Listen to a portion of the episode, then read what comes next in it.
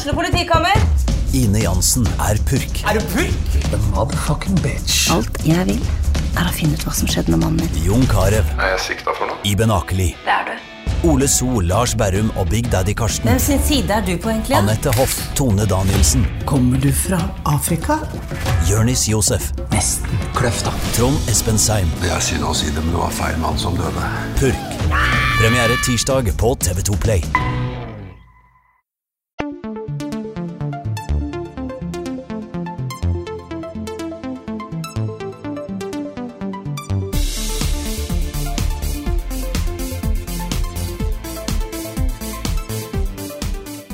Hjertelig velkommen til podcasten som har blitt beskrevet av utenlandske medier som absolutely breathtakingly insane. Mitt navn er Karl Martin Oksnes. Med meg har jeg som vanlig Rune Fjell Olsen og Lars Håkon Storbakken. Begge to i litt, eh, litt sykere form enn vanlig. Ja, det er, um, det, det er tida for det nå, tror jeg. Jeg, um, jeg har Jeg vet ikke hva så sjuk jeg har blitt. Bare fått litt, uh, litt feber. Det er ganske mye feber. Og det er Ja. Hvor da mye ikke lyst til å gå ut. I, mål, I går så hadde jeg litt over 39, så um, det var ganske heftig. Det var ikke sånn mannefeber, liksom. Hva er, hva er mannefeber? Nei, jeg vet ikke. jeg. 37,7 eller noe sånt. Å ja. er dere sånn her Å, shit, nå er jeg så sjuk. Nå orker ikke. Ja, ikke sant? Må Ja, ha nei ja. fri. skal liksom ikke så mye til for en eh, Ja, det er i hvert fall det som på en måte er tropen, er det ikke det? At uh, litt feber, så liker mannen å overdrive litt. Ja. Ja, det er, ja. det er nok, er nok Ja, noe i det. jeg er rimelig drittlei av å være sjuk sjøl. Altså. Jeg var jo sjuk lenge, og så begynte jeg å bli friskere. Og nå er jeg pinadø blitt sjuk igjen. Altså. Men vi, eh, vi kommer på jobb likevel. Det er, eh, det er bra. Det er innsats. ja, det er innsats. Vi står på. jo, Ja da. må jo det. Vi er våre egne sjefer, så da kan vi ikke gå til sjefen og spørre om vi kan få fri. Nei, det er sant. Men ja, Ja. vi, vi er jo eh, en spillpodkast i tillegg til en sykepodkast. Mm. Skal vi eh, prate litt om hva vi har spilt i det siste? Ja, kjør på. Det kan vi gjøre. Hvem vil begynne? Du kan begynne, Lars. Lars. Ok, greit. Ja, det jeg har spilt mest av i det siste, er jo eh, Titanfall 2. Um, og jeg lagde jo også en anmeldelse på det som eh, kom ut i går. Nei, det blir eh, onsdag, da, for de som hører dette på fredag, selvfølgelig. Men um, Men ja. Eh, det var et spill som jeg ble Eller var utrolig hyped for. Og så satte jeg meg ned og begynte å spille det, og jeg var så gira på singleplayeren. Og alle de trailerne og sånne ting jeg har sett, eh, bare gjorde meg enda mer gira. Farlig å se trailere. Ja, og det første jeg la merke til etter å ha spilt igjennom, var jo det at eh, no, eh, noen av disse trailerne De bare, de bare gjenspeiler ikke storyen i det hele tatt. For sånn Hvorfor har jeg ikke vært der? Det de viser i traileren der, hvorfor har jeg ikke gjort det? Hvor, hvor, hvorfor er ikke det i spillet? Det er ikke season pass, vet du. Ja, men eh, det er ikke noe season pass det spillet her, da.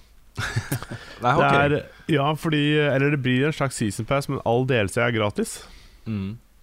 Ja. Så um, Det var en ting jeg ikke var f klar over før liksom slutten, så jeg måtte brålegge det inn i, i anmeldelsen på slutten. For jeg tenkte det er viktig å få med, liksom.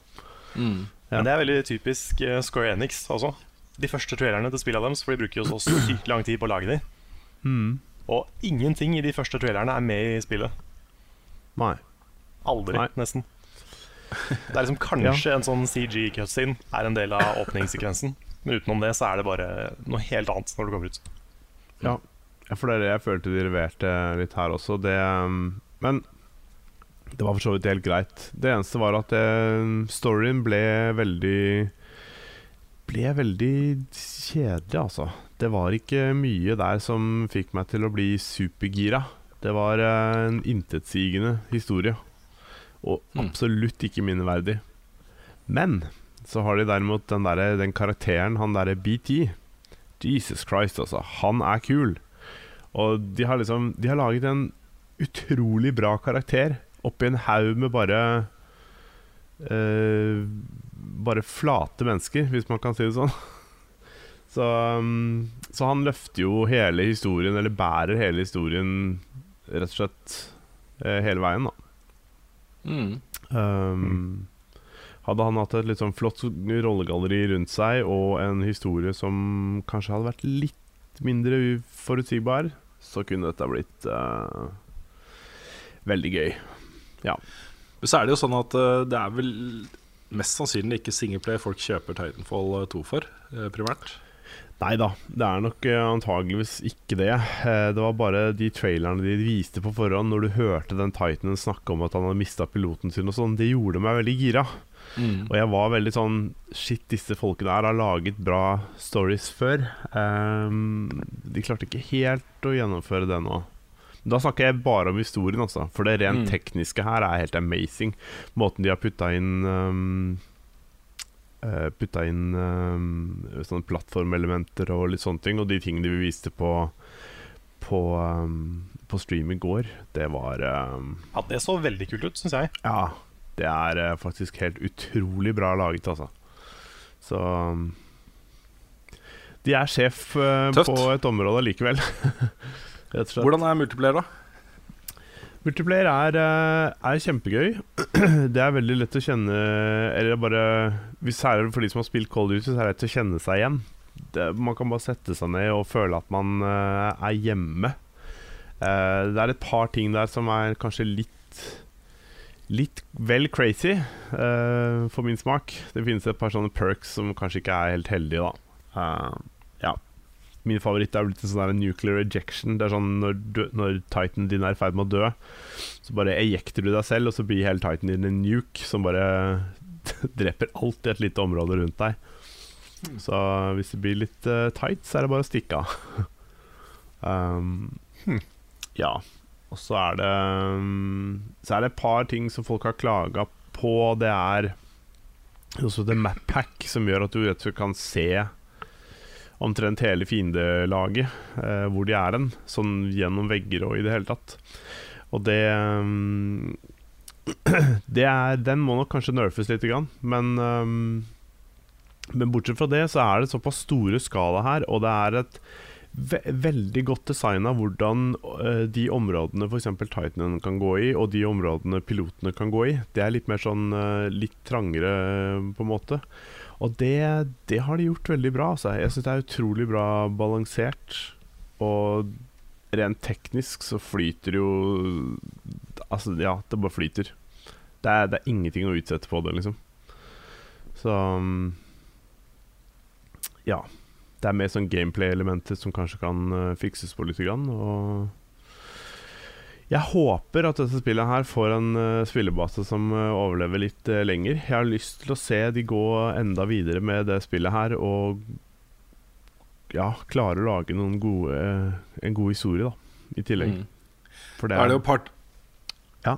Ja, nå er det et par ting som, som er litt interessant opp, midt oppi dette her. Og det ene er jo at de lanserer Titanfall 2 i en sånn sandwich mellom Battlefield 1 og Call of Duty. ja. Um, Hvorfor gjør de det? Jeg vet ikke. Det er veldig rart, altså.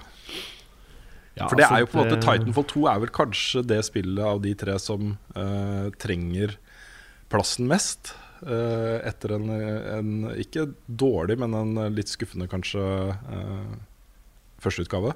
Ja. ja, altså førsteutgaven uh, Ja, det er som du sier, den var ikke dårlig, men den var heller ikke 100% amazing heller. Og så døde den veldig historie. fort. Ja, den døde veldig fort. Det var nok eh, Jeg følte at det var litt mye ubalanse der. Det, en av de største delene er jo det at det, det å være i en Titan på en måte var så veldig veldig mye bedre enn å være til fots. da Og i det nye spillet så føler jeg de har balansert det enda bedre.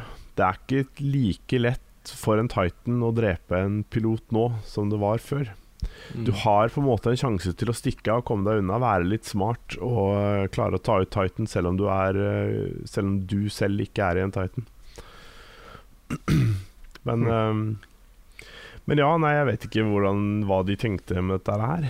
Eh, Nei, Det andre de sier, er jo at de lover, EA lover å støtte og videreutvikle Titanfall i mange, mange år. Det er kåte. Så Ja. de har nok en langsiktig plan for, øh, for dette spillet her, vil jeg tro. Ja, det kan jo virke sånn. Det, Og så hjelper det jo at det er ute på PS4 og, og også, i tillegg til øh, PC og Xbox, som jo var eh, det det kom ut på først, bare. Mm. Mm. Var en lang og rar setning der. Men, eh, Det er lov.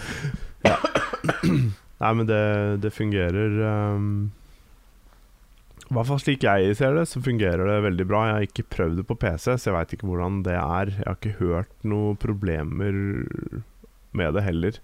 mm. Men um, ja. Ja.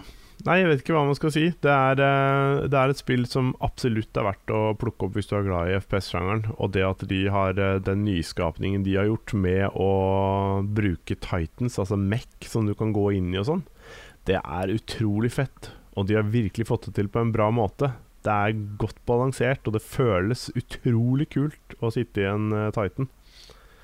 Det Sånn, ja. Det kan dere putte på coveret. ja. ja, men det, er, det mener jeg oppriktig. det syns jeg var veldig kult i det første spillet også. Og det, det, det er det Det er en styrke til det spillet, og det at de klarte å få det til å bli bli såpass jordnært til å være et framtidsspill, det er jeg også imponert over. Her er det ikke mye lasere og tull. Kult. Stas. Hmm. Ja, Nå kan nei, noen andre snakke, for nå eh, ja. Min, eh, min del blir ganske kort, for jeg har egentlig bare fortsatt å spille det jeg spilte i forrige uke. Sånn eh, mer Owlboy, mer Civilization, Mm. mer den slags. Eh, men jeg har jo spilt litt med Kristine, og vi har, eh, vi er jo fortsatt litt på Phoenix Wright. Begynte på det aller første spillet, og eh, driver og spiller oss litt sånn gjennom eh, de spillene i helgene. Mm. Og det er en serie som jeg burde oppdaga mye tidligere. Altså. Det er mange som har bedt meg om å gjøre det, og jeg har bare ikke hatt uh, tid. Mm. Men uh, nå som vi er i gang med den serien, så er jo den utrolig Utrolig bra.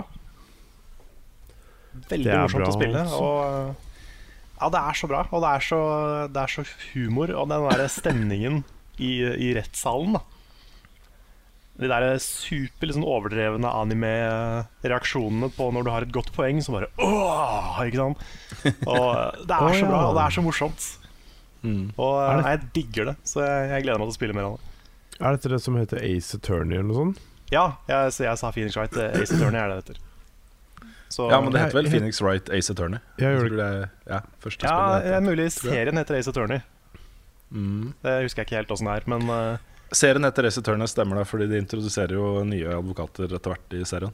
ja, stemmer. Så Så eh, for sine egne spill. Apollo Ja. et eller annet. Apollo Justice, tenker er ikke det? Ja, det stemmer. Så eh, Ja. Ja, nei, vi, vi er ikke så langt ute i det ennå, men vi begynte på uh, Phoenix Wright Trilogy på 3DS. Mm. Og det er jo da de første tre spilla, mener jeg. Og så bare tar vi det derfra. Men det, det er kos, altså. Mm. Veldig bra spill. Det er mulig det blir uh, Lasse en dag. Sikkert vel verdt å gjøre det, tror jeg. Mest sannsynlig. De begynner å bli litt Mm. gamle òg. I hvert fall de, de første av de. Ja. Mm. Så, Men ja, Phoenix kort, Wright eh, er uh, hovedpersonen, da, eller? Ja, han er i hvert fall i, eh, i de første spillene, så er han det. Ok, ja. Kult. Så det er eh, Tøft. kort og greit meg. Ja, jeg har jo eh, Det er jo to ting som jeg har begynt å spille i uka som har gått. Det ene skal vi vel ikke nevne akkurat hvilket spill det er ennå, tror jeg. Ok? Det er jo Mhm. eh, den nye spalten vår, Film i tull. Ja, stemmer det. Den, det skal vi prate om i, i detalj seinere. Ja, det kommer seinere, men det er da snakk om et konsept hvor, hvor vi utfordrer hverandre til å spille ting vi mener den andre burde spille, eh, i korte trekk. Men eh, det blir jo også da spill som vi kanskje har snakka om litt, at vi har lyst til å spille. At Ja, ikke, Ting vi har snakka om i årevis, nesten. Ikke sant? Så, eh, så først ut er meg. Jeg driver og spiller nå et spill jeg burde ha spilt. Mm. Jeg har spilt eh, en del av det, og så skal vi snakke litt om det, og så skal jeg fortsette. Det er, det, jeg syns det er kos, altså. Ja, jeg, Jeg, jeg, litt troa lik, på jeg liker eh, greia. Jeg har litt troa på den spalten, altså. Mm. Tanken er at den skal komme til en gang i uka, ikke sant? hvor eh, vi først uh, starter med at vi presenterer hvilket spill det er, og så går det jo en uke, for da skal jeg sitte og spille da. Og så Mhm. møtes vi igjen, og så snakker vi om det. Og så Yes. fortsetter vi. Mm. Så det, er, det kommer til å bli et sånt prosjekt som jeg sitter og jobber med og klipper framover, tenker jeg. Ja. Så prøve å holde det ukentlig. Mm. Og uh, det er sikkert mange nå som tenker at uh, jeg har utfordra Rune til å spille enten Dark Souls, Bloodborne eller Undertale. Men det er ikke noen av de. Så nå er det bare å spekulere. spekulere. Ultra Minigolf Adventures 3D. Ja, that's the one. Og så I tillegg så er jo da eh, første sesong av eh, Hitman Og Det er litt rart å snakke om det, for Hitman har jo eksistert så lenge. Men de har jo på en måte relansert hele Hitman-konseptet. Som en episodebasert eh, greie nå i 2016. Første episode kom eh, på starten av året. Og så har de nå eh, denne uka her lansert eh, siste episode i eh, første sesong. Jeg, jeg kjenner at jeg får litt vondt inni meg å snakke om det på den måten, men eh, sånn er det nå. Jeg spilte jo bare første episode, og så eh, tenkte jeg at vet du hva, jeg har ikke lyst til å spille dette er episodebasert, så jeg venter til serien er ferdig, og så skal jeg spille. Så nå har jeg vendt tilbake. Eh, Jeg tenkte jeg nok måtte spille første episode en gang til, bare for å få den sammenhengende opplevelsen. Så jeg har ikke kommet så langt ennå, men eh, det, skal, det skal jeg gjennomføre og anmelde. Jeg har eh, hørt gode ting.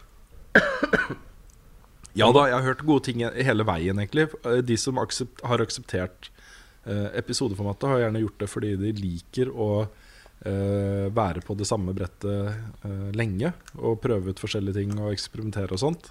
Og det gjør jeg også, men jeg vil først få den derre historiebiten, hvor du følger liksom eh, Agent 47 gjennom hele greia. Eh, Med en start og en midt og en slutt og, og sånn. Da. da får jeg litt mer den der feelingen av å være en dritkul eh, assassin.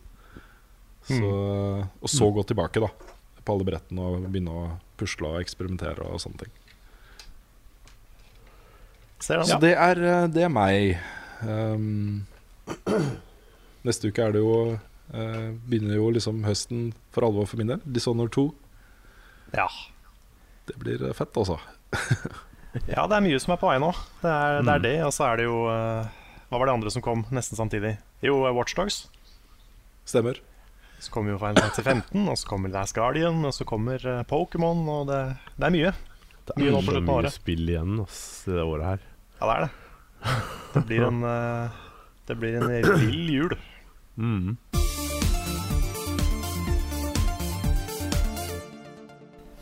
Vi hopper elegant over til nyheter. Og har det skjedd noe spennende denne uka her?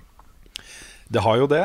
Owlboy er lansert. Det vil jeg si eh, Det klassifiseres som spennende.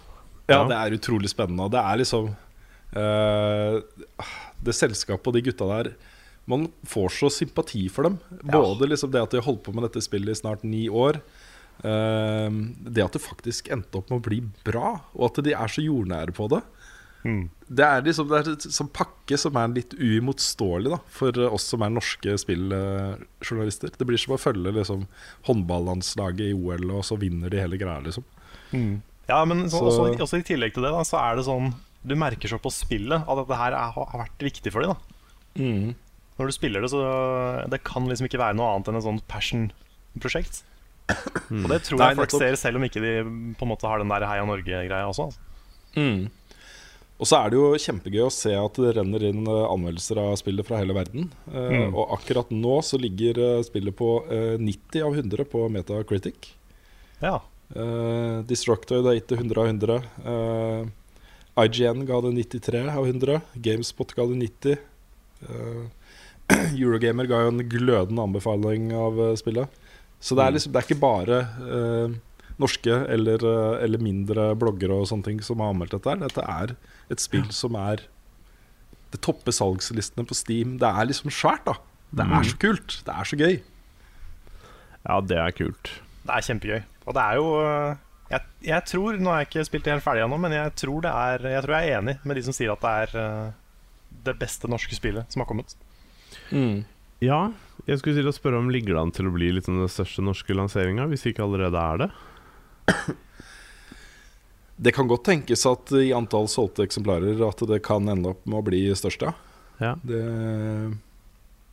det er jo liksom eh, Simon og Ureme snakka jo mye om eh, hvor vanskelig det er å lansere spill, og at, at det ikke er lansert før er ordentlig, da, før man har fulgt opp over et halvt år, liksom.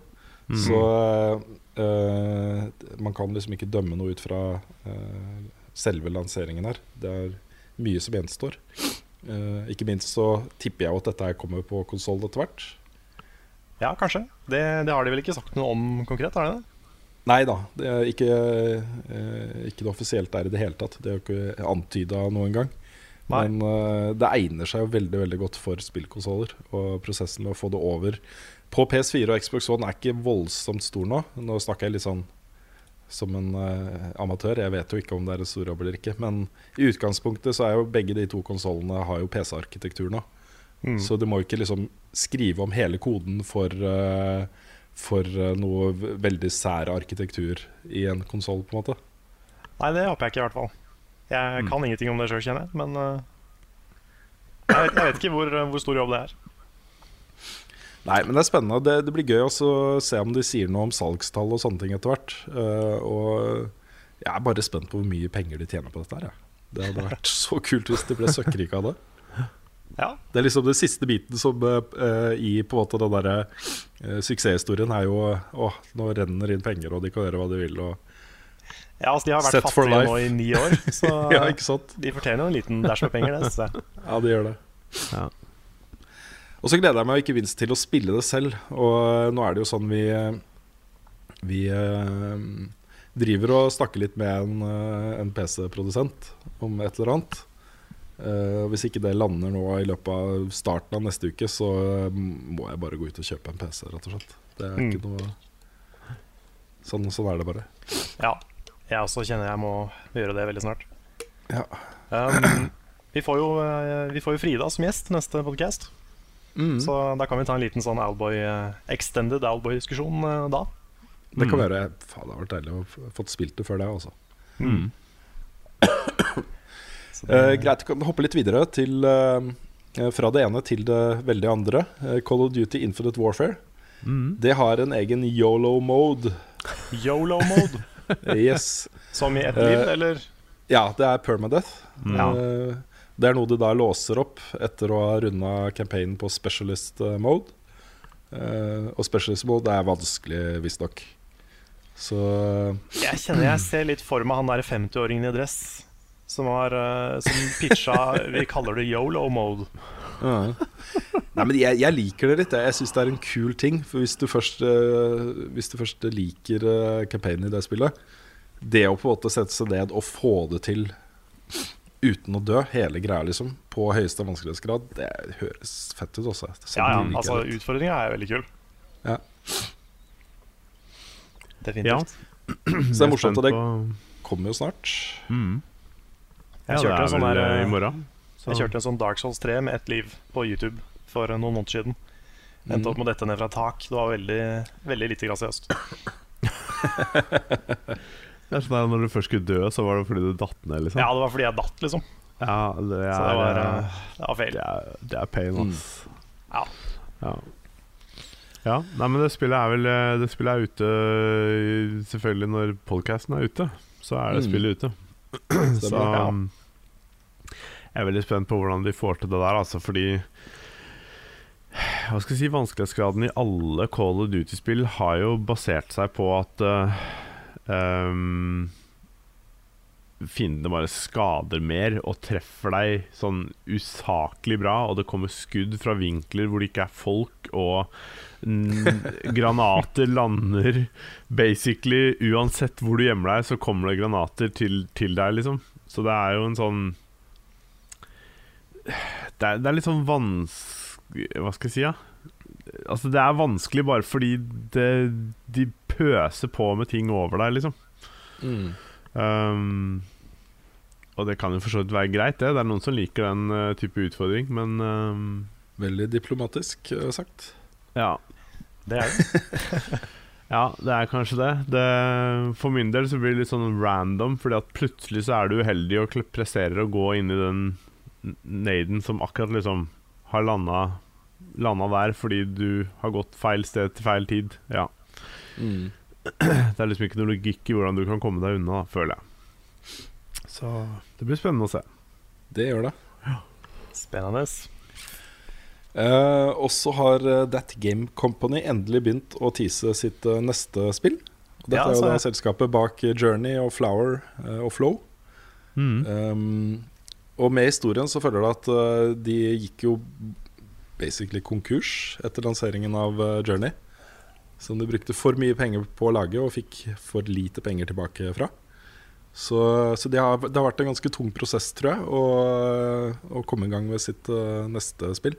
Og de har mista bra folk uh, osv. Men uh, nå har de begynt å tease det, og det skal komme neste år. Og det har ikke fått noe navn ennå. Uh, de sier bare at det skal Det er et spill uh, som handler om å gi. Det, det høres ut som That Game Company. Ja, ikke sant? Veldig sånn det er, det er sluppet tre bilder. Det ene er et, et stearinlys som tenner et annet stearinlys. et annet bilde hvor det er fire barn som holder hender og hopper og danser. Eh, og det eneste som kan ligne på noe spillrelatert, altså noe faktisk gameplay-ting, er en portal med en sånn blå søyle som går opp i lufta gjennom en sky og langt oppover. eh, Som står på toppen av en eh, blomsterdekt ås. Hmm. Hashtaggen er uh, 'that next game'. Ja. Hashtag No Man's Sky. Noe sånt. Ja. Det her kan bli et veldig vakkert uh, spill på flere måter, og kan være litt redd for at det kan bli litt trist òg. Ja, fare for det. Fare Det er det. en, en viss fare for det, hvis man ser på Mm. historien. Journey er jo så fantastisk, og jeg liker Flow og- og Flower også, men uh, Journey er bare så Jeg vet ikke. Uh, noe helt eget. Mm. Jeg har det, det er så nærme hjertet mitt, det spillet. Altså. Mm. Ja. Greit, Siste nyhetssak jeg hadde tenkt å ta opp, er at eh, det neste Tomb Raider-spillet er avslørt ved at noen hadde en laptop åpen på en, eh, med en uh, trikk. Det der, altså. Det, det skjedde jo med Assassin's Creed 4 i sin tid òg. Ja, nettopp. Det var liksom en Ja, var- laptop på toget. Ja, ikke sant? Og så tok jeg noen bilder av det, og det er jo da en, en slide med masse punkter om, om det neste Tomb Raider-spillet. Um, veldig gøy, altså. Sånne ting syns jeg er su- superfestlig. Ja, det er det. Og så Det- utrolig ergerlig for den personen som er eh, ansvarlig. Ja, eh, som var ansvarlig. Eh, nå er han sikkert Han eller hun sikkert Nei da, jeg vet ikke om han fikk sparken. Nei, det, kanskje, kanskje til og med det er litt for drøyt. Altså. Kanskje. Men spillet heter da Shadow of the Tomb Raider. Ja. Det ble ikke laget av Crystal Dynamics, som jo har hatt ansvaret for den serien en stund. Det er isteden Eidos Montreal, tror jeg det var. De samme som har lagd D6 og uh, Ja, da glemmer jeg farta det andre. Ja. Da kanskje vi får en sånn spennende Augment Your Tomb Raider eh, pre-order-ting, hvor vi kan, uh, vi kan crowdfunde DLC-en. Mm. Ja. Det blir spennende. Jeg syns jo Tomb Raider-serien er Det er gøy at de har på en måte klart å gjøre den relevant igjen. Da var jeg ikke noe superfan av det forrige spillet. Jeg syns det er De klarte ikke helt å følge opp det jeg likte med uh, Tomb Raider-rebooten. Hvor uh, uh, Greit det var voldelig, men det var voldelig på en måte som gjorde at du aksepterte litt uh, eh, greia. Fordi Lara Croft var jo ikke eh, noen trent drapsmaskin ennå, på en måte. Hun havna bare i en helt forferdelig situasjon med forferdelige mennesker på en øy. Mm. Eh, og det var liksom å drepe eller å bli drept, på en måte. Og da aksepterer jeg det mer. I uh, det nye spillet så føler jeg at hun blir plassert i situasjoner hvor uh, det er på en måte eh, Spilleren blir invitert til en sånn voldsfest. Uh, hvor det handler om å drepe folk på mest mulig fet måte og sånne ting. Og da mista jeg litt nærheten til spillet. Da mista jeg litt connection med Lara Croft og med uh, spillopplevelsen. Så Ja. Eh, Ja, vi har, vi har snakka litt om det her før, men jeg ble veldig satt ut av de der dødsanimasjonene hennes. mm. Jeg syns noen av de er bare sånn overdrevent unødvendig stygge, liksom. Jeg føler at de er innafor også, men det er fordi de er en, en throwback til starten på serien. Hvor uh, eh, Hvor det var jo med fra, fra dag én, liksom. Hun ramler ned et uh, høyt stup og skriker dødsskriket sitt, og så hører du bare knoklen og alt bare knekker når hun treffer bakken. Mm. Det var, jeg, jeg føler det var en del av opplevelsen da, som gjorde det at uh, At uh, det ble ekstra ille å ikke få det til. Ja, jeg vet ikke. Jeg bare jeg, Ja. uh, jeg, jeg, jeg bare sliter litt med liksom motivasjonen bak å lage det. Jeg vet ikke helt hvorfor det er der, kjenner. Så selv om det er Altså, jeg skjønner at det er et throwback, men hvorfor er det nødvendig, på en måte? Ja, Det blir litt annerledes når det er en eh, sånn bortimot fotorealistisk uh, rollefigur. Ja, det gjør eh, det. Kontra, kontra når det er en sånn pikselting med trekanta pupper og Det blir litt sånn her uh, billig torture porn, syns jeg, og det er, jeg synes det er litt ekkelt. Ja, jeg, jeg aksepterer det, men jeg, jeg ser jo selvfølgelig at, uh, at eh, det, det er mulig å reagere på det.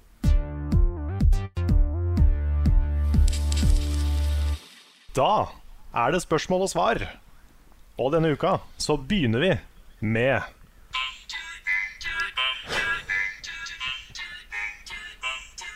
Ukens Sin 4. Det har stadig vært forsøkt på å lage en spillmaskott som skulle kunne konkurrere med Mario, Sonic, Link osv. Men hvilken er det dårligste forsøket på spillmaskott dere har vært borti gjennom tidene? Oi, det var et eh, godt spørsmål. Ja, og det er jo noen å velge mellom. Ja, det er mange å velge mellom, altså. Um, Jeg ville Bubsy er vel ganske høyt oppe. jeg vet ikke hvem det er. Hvem er det? Nei, Bubsy det det var sånn der, litt sånn Sonic the Hedgehog-knockoff. Ok. Som uh, fikk et 3D-spill som er sånn legendarisk ræva. Bubsy 3D. Hmm. Det ble laga av en eller annen uh, gjeng. Jeg husker ikke hvem det var. Men eh, de har laga et eller annet bra etterpå. Ja. Kanskje Blinks? Hvem er Blinks igjen? The Timekeeper? Å ja, det har du snakka om før. Ja, det var jo til Xbox 1, den aller første Xboxen, så eh, lagde jo Microsoft et, eh, et plattformspill. som føltes veldig sånn. eh, som et forsøk på å gjøre et motsvar til Mario og Ratchet and Clank og sånne ting. Eh, det var ikke så bra. Nei. Og så hadde du det lanseringsspillet til PS4 også, var det det het igjen? Nack. Nack, ja. Ja, ja Nack er et bra eksempel på eh, en maskot som ikke helt fikk det til. Mm. Ellers så eh, hadde jo Sega, før Sonic kom, så hadde jo de Alex Kidd. Han, var, eh, han var vel ikke, slo vel ikke helt gjennom. Å, han husker jeg. Ja, Det er jo noen som har et forhold til han, for så vidt. Men Ja. han var liksom aldri det, det, det virkelig store. Mm. PlayStation har jo prøvd seg på mye forskjellig, men uh, Ja, nei, jeg vet ikke. Jeg tror kanskje Jeg tror jeg må si, uh, si Bubsy, ass. Mm. Også uh, liten, liten digresjon, men uh, er det bare meg som bare virkelig ikke takler han der maskoten til Oslo kino? Uh, han har jeg, ikke husker, sett. jeg husker ikke Han er så ekkel. Han er lille. Som, han har ikke hals, han er bare sånn lite menneske med veldig store øyne. Og så når du går inn på sida, så er det sånn herre Hei, godt å se deg. Å gud, ja, det så jeg nå. Ja, Bare så halsen og hodet går i ett, eller kroppen og hodet ja, går i ett. Jeg syns han er så ekkel. Jeg blir så utrolig frika ut av han. Jeg, jeg vet ikke hva det er med han. Altså. Men han ja. det, er en, det er en maskot jeg ikke er så veldig glad i, kjenner jeg. Ja. Ja. Men ja, det var kanskje det beste har- svaret vi hadde på, på det. Mm, jeg har Ja. et eh, spørsmål her på uh, Patreon fra Gringorilla, som uh, ikke kjenner personlig, men som jeg har hatt mye med å gjøre i mange mange, mange år. Han har vært veldig aktiv på eh, VGD-forumet, uh, spillforumet der. Um, hyggelig å se ham på Patreon også. Spørsmålet er rett og slett hvorfor regnes det som latskap å sove lenge om morgenen, mens det ikke er latskap å legge seg tidlig? Å, det var et godt spørsmål. Jeg syns det var et kjempegodt spørsmål. Jeg synes Man trenger egentlig ikke å svare på det heller, fordi spørsmålet i seg selv var så godt. Ja, det var en, det var en fin Å, tanke. lord. Ja, det Ja, ikke sant? Jeg er fullstendig enig, altså. Ja. At det er Ja. Ja, Det er noe med det at Det liksom, B-mennesker får fort litt sånn latskapsstempel når, de er, Ja. eh, når de er oppe like lenge og jobber like hardt som alle andre. ja, jeg, jeg tror til og med B-mennesker ofte er eh, våken flere timer i døgnet enn eh, enn A-mennesker. Ja, det kan nok hende. Klarer seg med mindre søvn, Ja. tror jeg. Mulig. Jeg er, er med på det. Ja. Det er i hvert fall opp gjennom min yrkeskarriere, liksom. Eh, Mm. Før jeg fikk barn, så eh, har jeg gjort mye av mitt beste arbeid på natta. Mm. Det var den tiden hvor jeg sov gjerne til 11-12 fordi jeg kunne. Ja, ja. Jeg også er desidert mest kreativ og sånn etter klokka seks om kvelden. Mm. Da er liksom da er jeg i mitt ess, føler jeg. Mm. Nå, nå Jeg, jeg, var- jeg var jo det før. eh, Nå er det, ikke, nå er det ikke sånn nå lenger, i og med at jeg står opp så tidlig hver eneste morgen. Nesten. Ja. Men eh, eh, av natur så er vi helt like der, altså. Mm. Jeg er jo også litt, litt biased som uh, Level nattlige leder, men uh, Men ja, nei, jeg Ja, føler har Du har fått den det tittelen av en grunn, da. Jeg har det. Mm. Ja, så den er fortjent. Ikke Altså på en god måte, da. Ja. Vi hadde jo litt morsom sånn, eh, situasjon i går, hvor eh, vi fikk beskjed om at eh, det var muligens noen som hadde fått tak i passordet til YouTube-kontoen vår. Og så skulle vi sette opp litt ekstra sikkerhet, da, du, og du satte opp sånn totrids, eller prøvde å sette opp totrinns verifisering av, av den. Mm. Og da ble jeg sånn, tenkte jeg mm, Men hva om klokka er liksom åtte om morgenen, og jeg må, jeg må legge ut et eller annet på YouTube? Da ligger jo Carl og sover. Hvordan skal jeg få tak i den verifiseringskoden da? Ja, ja, men da, da har jeg et ansvar, ikke sant? Så hvis jeg har, hvis jeg har det der ansvaret for verifiseringskoden, så står jeg Ja. og bare I got you, sir. Da må jeg nesten ha egen sånn der vakttelefon. Ja. Som, som, som er Det eneste vi bruker den til, er å rigge hvis man trenger en, eh, en verifiseringskode til, eh, til Google. Jeg skal, jeg skal kjøpe meg en sånn der eh, gammel sånn der 3310 uh, ja. telefon som kan ligge ved siden av puta mi. Det er uh, emergency level up-telefon. Ja, kult. Syns jeg ser Det deg bare bra- sitte det der og stirre. Ja, Det jeg gikk tror, bra til tror slutt, ikke det var, fordi- det var ikke noen som kom inn på kanalen. Det var bare noen som prøvde. Nei da, i tillegg så, så Jeg vet ikke hva du har satt opp totrinnsverifisering på. Det var ikke vår kanal, i hvert fall. Nei, For, nei da, det, for det satt jo jeg på etterpå. det var noe rart der, fordi du har tilgang på noen greier som ikke jeg har tilgang på, og så var det mye, mye forskjellig. Mm. Ja, ja. Kan jeg ta et kjapt spørsmål spørsmål til? ja. Ja, kjør på. Det er fra Tim Fosse, som uh, åpenbart har fått med seg hvor jeg kommer fra. For Ja. spørsmålet er pølse i vaffel, yay or nay? Og pølse i vaffel er jo en sånn greie, mossegreie. Det er, eh, det, jeg vet ikke hvor det starta, men de har liksom i alle år solgt det på Meløs, som er fotballbanen til Moss eh, fotballklubb. Eh, det er det man spiser når man går og ser fotballkamp i Moss. Pølse i vaffel. Så det har blitt en sånn mossegreie. Mm. Jeg, må- jeg må si at jeg aldri har spilt det, eh, spist det. Jeg har aldri spist pølse i vaffel. Har du ikke det? Så nei for meg, altså. For det har til og med jeg prøvd, altså. Men det, jeg Mm. ble ikke noe særlig Jeg ble ikke sånn veldig imponert eller solgt på det. Problemet mitt med pølse i vaffel er at hvis jeg skal spise pølse, så må jeg sende på ketsjup på. Å sende på ketsjup på vaffel Det er det som er feil, ikke pølsa i seg selv. Nei, ikke sant? Så Jeg bare ser for meg at det blir veldig mye vaffel og veldig lite pølse. Nei, jeg vet ikke. Er ikke vaffelen ganske tjukk, og så må du rulle den rundt? Eller åssen er det? Ah, Jeg veit ikke, altså. Dette er litt sånn som pannekaker, fleskepannekaker og sånn. Det er heller ikke jeg sånn veldig fan av. Åh, Det, er- det syns jeg er godt, altså. Ja. Vi har lagd det noen ganger hvor vi har hatt vaffelrøre i eh, sånn langpanne med bacon, og så stekt i ovnen. ja. Det er så godt! Og så med litt sånn lønnesirup eller noe sånt litt rann, da, eh, ved siden av. Å, Jesus Christ, det er godt, altså. Ja, Kristine også pleide å lage sånne veldig gode baconpannekaker. Mm. Det- Hun har blitt vegetarianer, så det er ikke så mye av det nå. Men uh, en kort periode var det veldig mye bra baconpannekaker. Ok. Ja. Uh, ja. Eh, jeg har et spørsmål her som jeg har lyst til å ta med, fordi at jeg ble veldig interessert. Dette har ikke jeg fått med meg. Kevin Alexandersen sier Hva syns dere om at Cold Duty Modern Warfare Remastered nå skal selges separat? Skal det det? Nei, Skal det det? Det har ikke jeg sett noe som helst om. ikke jeg heller hørt. Dere som sitter med PC i nærheten, kan ikke dere google Ja, jeg, jeg I'm on it, men uh, jeg kan ikke um, Eventuelt eh, ringe Frida. Ja, Ja. Vi ringer Frida. Det. går fortere. det har vært veldig bra å gjøre det nå, egentlig. Um, ja, men det La meg si det sånn, da. Hvis det er tilfellet Altså uh, Det, det, til, det hadde blitt et helvete. Da blir det uh, class ja. action, eh, låsut og eh, hundretusenvis av mennesker som krever refund av kjøpet av Infinite Warfare osv. Det Ja. kommer til å være helt krise. Um, ja, det vil jeg tro. Og um, jeg vil jo si at det er et riktig valg, om enn det kommer kanskje litt seint. Litt for seint. Det er, det er jo en måte å gjøre det på som er ok og innafor, og det er jo å tilby alle de som da har kjøpt uh, denne legacy edition av Infinite Warfare, uh, en uforbeholden refund. Ja. Hmm. hvis de gjør det, så er det helt innafor. Hmm. Det, det får du vel uansett på Steam nå, men ikke på konsollen, sannsynligvis.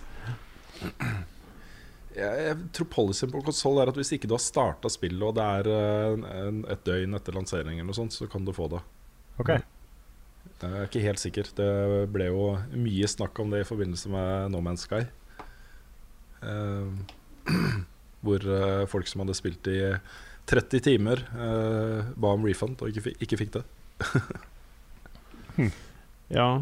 Um, jeg prøvde nå å se på Se på um, PlayStation Store om hvordan det ligger an der. Men eh, eh, der ligger fortsatt Legacy og Deluxe Edition inne med um, Modern Warfare Remastered uh, bundla. Så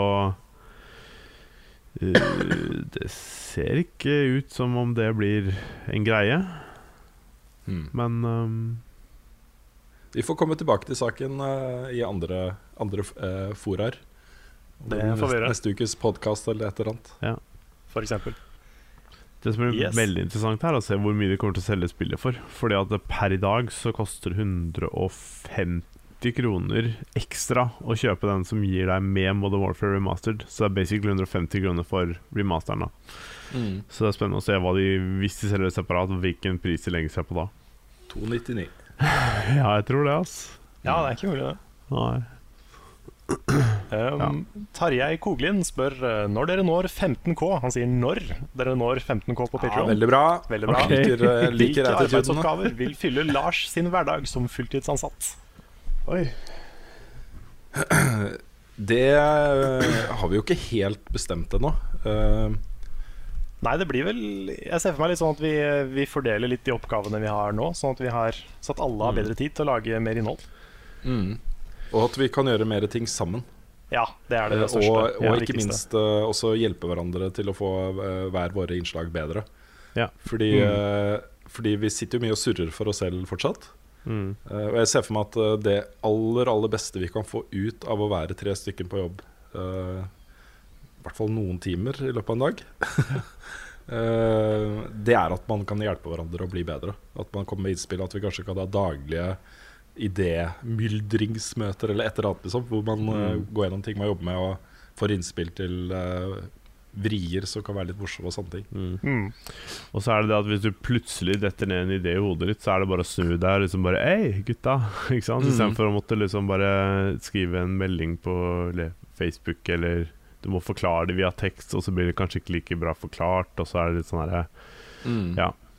Og så trenger du kanskje en kameramann til å gjøre den tingen du kom på som er morsomt, og så sitter jo to kameramenn der. Ja, ikke sant? Ikke sant? Det er basically Jeg tenker i hvert fall at det, det å kunne være med og bidra og hjelpe til å uh, få ting til å flyte bedre, og det å gi Gi i hvert fall dere muligheten til å fokusere mer på innhold og det, som, det dere skal lage, da. For det, det Mm. tar jo mye tid å sitte og redigere og ordne alt det her i tillegg, liksom. Jeg sier ikke at jeg nødvendigvis skal sitte og redigere alt, for det håper jeg ikke at, at jeg ender opp med. For det kan bli veldig mye redigeringsjobb, men, øh, men du kan massere skuldrene våre mens du Ja, klipper, eh, hente Det kan du kaffe. Nei da, men du er jo også i tillegg den eh, mest kompetente personen eh, av oss når det gjelder sånne tekniske ting. Det å sette opp live-rigg og eh, at ting funker. Så eh, jeg ser Ja. litt for meg at det blir et, et spes din spesialoppgave blir å sørge for at alt det der er på stell. Ja, nei, men det, det, er, det er mottatt, notert. Og så er du, så er du eh, godt organisert i hodet ditt. Så det å ha liksom, kanskje kontakt med regnskapsfører og sørge for at ting blir fakturert og sånt, kan hjelpe å gjøre det også, Lars. Ok, ja. Nei, men det, det er greit. Neida, hovedgreia er at vi, vi uh, eh, setter jo pris på kreativiteten din og innslagene du lager og deltakelsen i podkasten og sånne ting. Så det handler jo bare om at vi får lagd mer innhold, Mm. hovedsakelig. Så vi skal nok Jeg tror ikke Det er ikke noe problematisk å finne noe å fylle tida med, tror jeg. Det er øh, Nei. for- Nei, det er alltid, alltid noe å gjøre. Ja, ikke sant? Så, Så kan vi jo nevne en liten teaser som fortsatt ikke Det er ikke sikkert det blir noe av, men vi jobber jo med uh, muligheten til å få lagd en, eh, en TV-serie. TV-TV-serie. Mhm. Og i, hvis vi får det, så er jo du veldig sentral i de planene, Lars. For der, der trenger man jo mye Altså det er mye ting som må gjøres med en, en sånn produksjon. Mm. Så er det jo budsjetter som er i en litt annen skala også. Jeg blir Ja. helt gal i hodet av å se de tallene. Ja. TV er eh, serious business. Det er det. yes. ja, det blir spennende å se om det blir eh, en greie. Mm. Fortsatt eh, veldig tidlig i prosessen på det, men ikke umulig at det skjer noe. Nei, og så må vi også nevne at hvis det blir noe av, så, så vil det være under forutsetning av at vi, at vi fortsatt klarer å opprettholde vårt eget univers. da Mm. Det vil ja, det- ikke bli stopp på innslag på YouTube for eksempel, eller stopp i produksjon av podkast. Eller Nei, Livestream nei, det, det er fortsatt det viktigste, egentlig. Å fortsette å Mm, bygge opp ja. det, vi er, det vi begynte på i februar. Patrion jo i det hele tatt. Ja. Jepp. Det er, eh, det er det som er level up-universet nå, og det, det er det viktigste for oss. Mm. Mm. Jeg har et eh, spørsmål her på Patreon fra Mathias Lade Ulriksen. Han eh, skriver det er min første gang på Spillekspo i år. Noen tips? Ja. Spørsmålstegn. Ja. Det er jo ikke en eh, like stor messe som eh, E3 eller Gamescom eller eh, sånne ting. Ganske lett å få oversikt over hva som skjer der. Og litt mindre stress. Det er ikke noe sånn Du klarer fint å få med deg alt som er der i løpet av en dag. Mm. Det, er, det kan vel være en del kø på lørdag, tror du ikke? Det er en del køer på lørdag, så hvis det er noe du ser på programmet som du har ekstra lyst til å få med deg, så kan det være lurt å møte opp tidlig. Mm. Uh, Eller sånn Prebz og Dennis signerer Ja, eller dra på søndag. Men uh, når Prebz og Dennis uh, har satt opp en time med signering, f.eks., så blir det helt kaos. Da er det jo eh, utrolig mye mennesker som Ja, eh, så hvis du skal noe rundt der, så kanskje ikke gjør det da. Nei, ikke sant. Eller hvis du vil ha uh, signaturen til Prebz og Dennis, møte opp tidlig. For. Mm. Ja, Ellers så er det jo- det er jo en del av arrangementer. Det er, det er en veldig sånn messe hvor du, du går rundt og du opplever det du vil, og ser på ting og prater med folk. Og Veldig hyggelig å dra Mm. dit sammen med noen. Det er det. Absolutt. Mm. Så, og du kan også dra aleine hvis du bare er nysgjerrig på, på hva som skjer. Mm. Det er liksom ting Ellers er- gjøre. Ja. Mm. Ellers så er det også finaler i Telenor-ligaen eh, på SpillExpo. Det, det er gøy også å se de matchene live.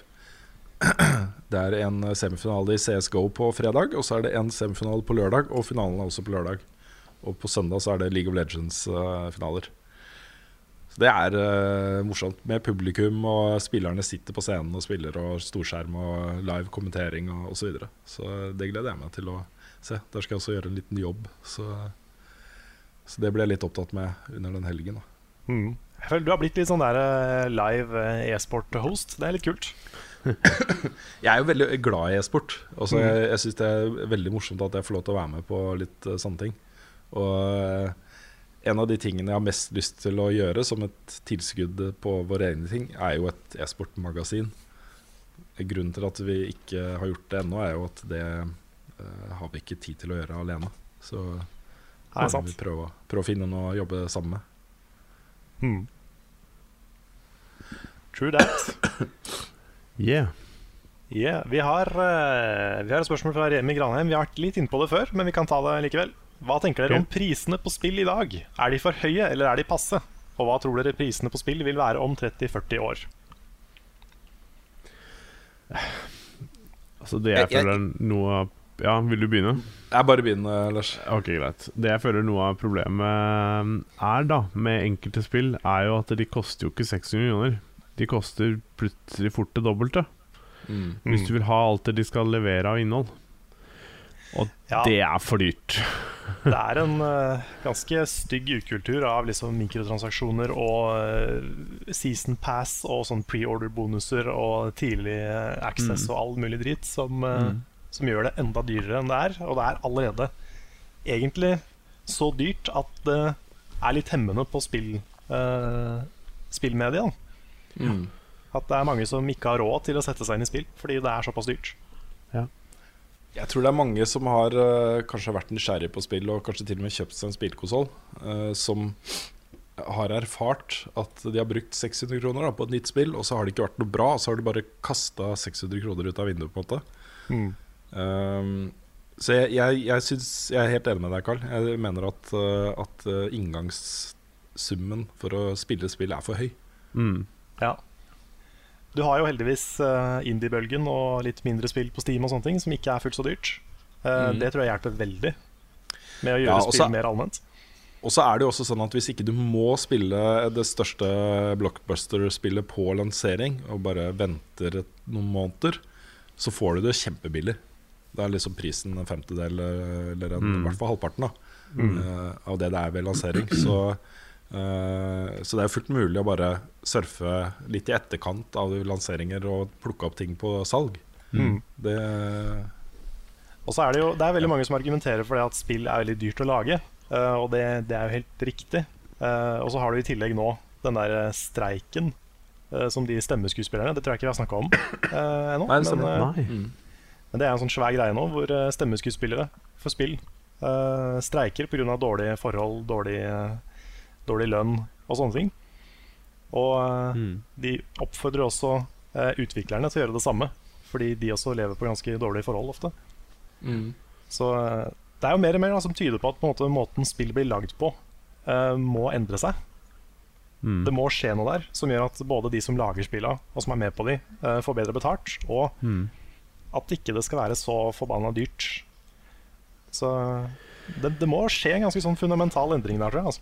Mm. Ja, for jeg tror at hvis, eh, hvis spillet hadde kosta mindre, sier det nye spillet hadde kosta kanskje 299, Mm. så tror jeg mange ville kjøpt flere spill. Jeg tror Ja, liksom det ville blitt mer penger ut i markedet, og jeg tror også flere nye ville ha kommet inn.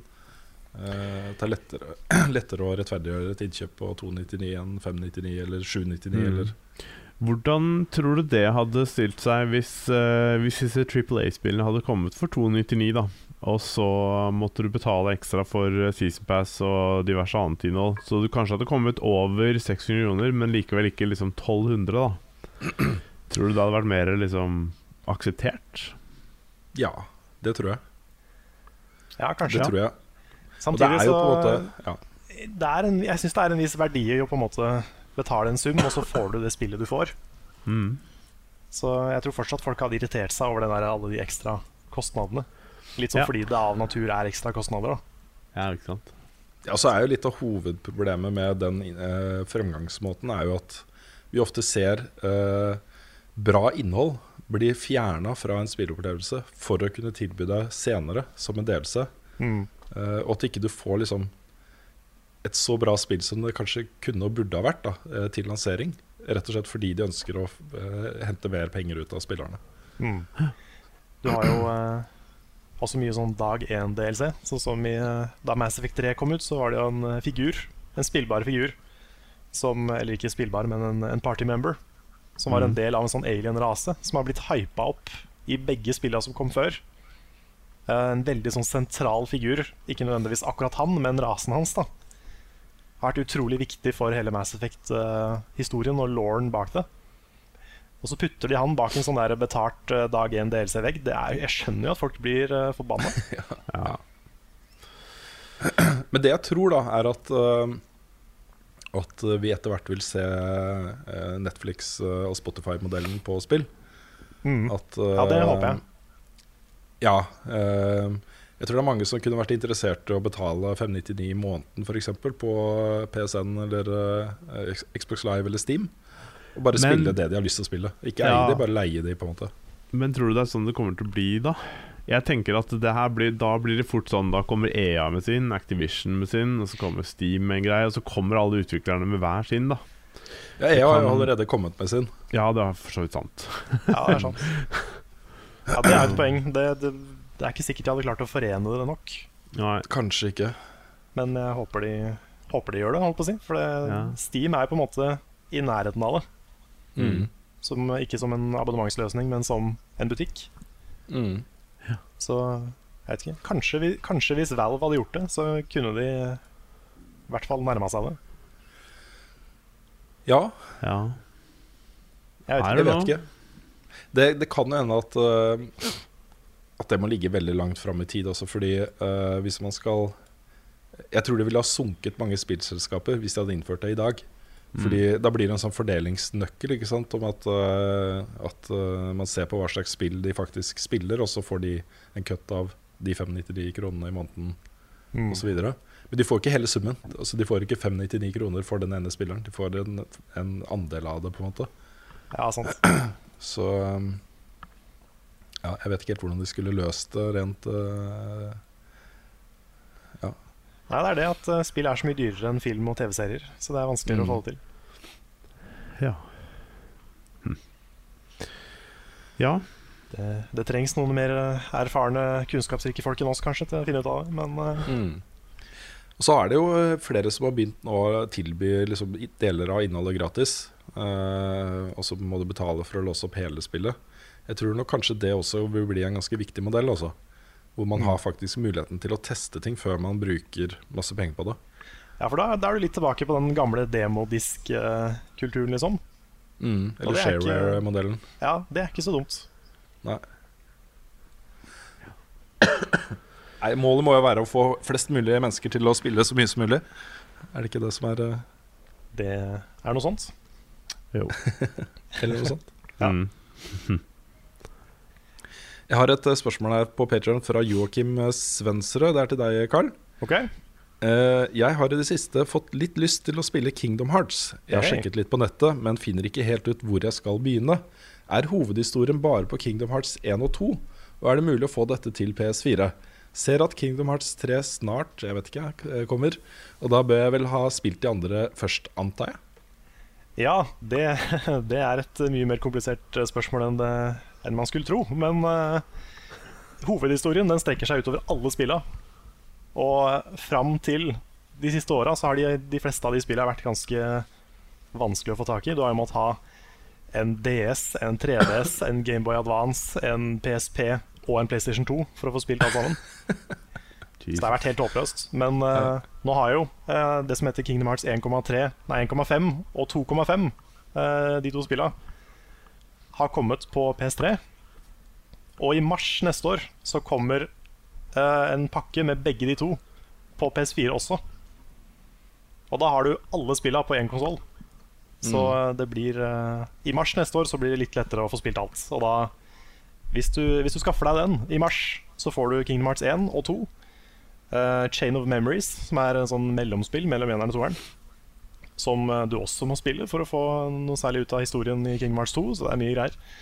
Og så har du uh, forgjengeren, som heter Birth by Sleep. Og så har du Kingdom Hearts uh, uh, Ja, et par filmer som er imellom der, som er basert på noe spill på DS. Så det er utrolig mye opplegg, mye historie og mye å komme seg gjennom. Og så til slutt, da, så har, du, så har du også Kingdom Hearts 2,8, som kommer nå Ja da. Som kommer nå i januar. Så det kommer jo før den andre pakka, men det er da det siste spillet, som er mellom Kingdom Hearts 2 og 3. Pluss noe eh, litt sånn preview-greier av Kingdom Hearts 3 og en, eh, en film til. Så det er ganske mye. Det er et utrolig stort univers å sette seg inn i, men eh, ja, det er også utrolig forvirrende. Og de færreste kan vel si at de 100 forstår den historien. Men eh, det er et veldig koselig og morsomt og fint univers. Så eh, jeg kan, kan likevel anbefale det, selv om det er mye. Og alt er basically like viktig for å forstå For, for å prøve å forstå historien. Ja. Så det er, det er litt som Metal Gear, egentlig. Det er eh, omtrent på samme nivå av uh, convoluted og diverse. Ja, Det er mye mer komplisert enn Metal Gear. Også. Ja, kanskje. Der har de jo bare fire spill som er canon. Det er fem spill er det som er canon. Men Ja, de er, det ikke, eh, er det ikke masse sånn der eh, PSP og Ja, det er ett PSP-spill som, eh, som er canon. Ellers så er alle de andre på, på henholdsvis PS1, PS2, PS3 og PS4. Ja, det er, du må ha en del konsoller, men i hvert fall én produsent. Eh, og så har det kommet samlepakke til PS3, eh, hvor du får eh, mange av dem. Ja. Så det er liksom litt lettere å komme seg gjennom det som er historien, da, mm. vil jeg si. Det eneste Kingdom Hearts-spillet du kan droppe, det er det som er på iPad. Okay. Det Unchained X, eller Unchained Key, som det heter. Det, det er bare sånn her uh, mikrotransaksjonsdrit. ja. Som jeg ikke er så glad for at jeg spiller, kjenner jeg. Nei. Nei, du har ikke brukt noen penger på det, har du det? Aldri. Nei. Nei. Godt å høre. Eh, Ikke sjans. Skjer ikke. farlig sånne spill, ass. Det er det. det er, eh, jeg kjenner jeg blir sånn sur på de. Ja. Så gjerne skip det. Det kommer All storyen som er fra det spillet, kommer i en eh, film i den der 2,8-pakka. Så det kan du heller se den. Mm. Yes. Har dere noen bra spørsmål på Facebook? Ja, det er eh, Jan Tore Sylten lurer på om vi skal dekke noe fra BlizzCon i helgen, og om vi har planer om å se Doctor Strange. Åh, Doctor Strange gleder jeg meg sånn til å se. ass Den skal Mm. ses. Åh, Jesus Ja, den uh, var ikke jeg Eh. klar over at skulle komme før uh, jeg så trailer her. Det var vel kanskje i går eller forgårs. mm. Den kommer vel til den, uka, eh, gjør den ikke det? Nei, kommer i dag. Kommer den i dag? Altså fredag. fredag. Oh shit. Mhm. Da må jeg se om det er noen billetter i helga. Det er jeg sikkert ikke. Sikkert ikke. Ja. Nei, Den gleder jeg meg til. Eh, BlizzCon eh, kommer vi i hvert fall til å dekke i Level Update eh, neste uke.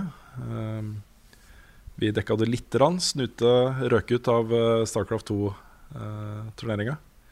VM i Starcraft 2. Um, men BlizzCon har jo alltid vært ganske morsomt. Det pleier å skje en del. Det er jo forventninger om at det vil komme announcements til både Diablo 3 og kanskje et helt nytt spill og osv. Overwatch blir sikkert sentralt. Mm. Mm. De sparer jo ofte en del announcements til BlizzCon. Så, så det er jeg spent på. Uh, apropos, når er den der eh, PlayStation Experience-greia? Desember. Desember, ja. Mm. Ok, Der også pleier det å komme en del eh, store ting. Ja, det har blitt lekka at det skal annonses en, eh, den første delscenen til Uncharted 4, f.eks. Å ja. Mm. Spennende. Jeg håper jo på å se et glimt av Destiny 2. Ja, kanskje det. Mm. De har jo, eh, Bungie har jo brukt PlayStation Experience til å annonse nye ting også, så, Mm. så det blir spennende. Det blir kanskje noen nye glimt fra Final Fantasy 7-remaken og sånne ting. Det er jo etter 15 har kommet ut. Mm. Så Ja. sikkert en del uh, spennende. Kanskje vi kan kjøre en stream eller sånt. Mm. Kanskje, kanskje. Det får vi se an litt nærmere. cool. Uh, et spørsmål her fra ehm, Jostein Rajesh Johnsen. Jeg fikk ikke, fikk ikke med meg hele Q&A-streamen på mandag, og vil gjerne se den i etterkant. Kan dere legge den ut på Patreon-siden for 25 pluss-medlemmer? For å ta det Ja. først, da, Vi har jo satt opp et nytt mål på 25 dollar, eller en sånn reward-ting. eh, hvor eh, det man får er eh, Hvis man gir da 25 dollar eller mer i måneden på Patreon, så setter vi oss ned en gang i måneden eh, med en sånn lang kosestream bare for, for de. Eh, og svare på spørsmål og snakke med folk i chatten og sånne ting. Det gjorde vi første gang nå på mandag. Og så kan du fortelle hva som skjedde med den. Ja, det gikk jo først eh, veldig, veldig bra. Vi eh, hadde en uh, veldig koselig stream, og det var kjempestemning i chatten og alt mulig. Så det, var, det gikk veldig bra. Men så ble både den arkivfila, som blir lagret automatisk når du er ferdig med en stream, og opptaket på PC-en til Lars korrupt. Så eh, dessverre så er sannsynligvis den, eh, den streamen borte. Ja. Det er synd, fordi det var en veldig veldig koselig kveld. Med hele gjengen og alt mulig. Så Ja, Og så er jo tanken at den skal være tilgjengelig for alle som backer med 25 dollar eller mer, uansett om de rekker å se det live eller ikke. Mm. Så, så det er en sånn stream som vi kommer til å legge ut uh, uh, lukka etterpå, uansett. Så etter hvert, altså nest, fra neste, håper vi jo at det er på plass, da. ja, altså det, det er jo utrolig sjeldent at både den ene og den Mm. andre fila eh, klikker samtidig. Ja. Som regel skjer det ikke med noen av de. Og vi har aldri opplevd at det har skjedd med begge. Så Ja, nei, er, altså er, det er jo Det er jo sånn at man, når man recorder på, med OBS, så um, bør man ikke liksom quitte OBS rett etterpå. Det gjorde jeg heller ikke, og den sto jo på. Og, og jeg stoppa ned hele pakka. Og så, men den står bare som én Nei, null kilobyte, så det er liksom sånn Ja. Mm. Um, den er uh, Det er noe gærent der, altså. det er, det er surt veldig- når sånt skjer. Men det ble en veldig koselig stream, da, som sa, så vi kan jo prøve å Vi kunne prøvd å reenacte den. Sånn at den har bare gjort alt. oi, oi, oi. Det, det kan være. Ja, for Nei, vi vi snakker jo jo- etter manus selvfølgelig hele tiden. Ja, Ja, vi sitter med, sitter, sitter med Ja. grundig manus. Mm. Nei, men vi kan jo, jeg tenkte litt på at vi kan jo neste gang, hvis vi får noen av de samme spørsmåla på nytt, så kan vi jo ta dem opp igjen. Ja. Mm. Og heller bare Det går an. Ja. Ja. Sånn hvis Men, det er noe eh, folk eh, vil eh, vite som ikke de fikk med seg forrige gang. Mm. Men det virka veldig som de som så på oss, og var veldig fornøyd med, med det. Altså De syntes det var koselig og bra, liksom. Så det var jo Mm. kult. Ja, jeg tror formatet funker ganske bra. Mm. Ja, Veldig ålreit.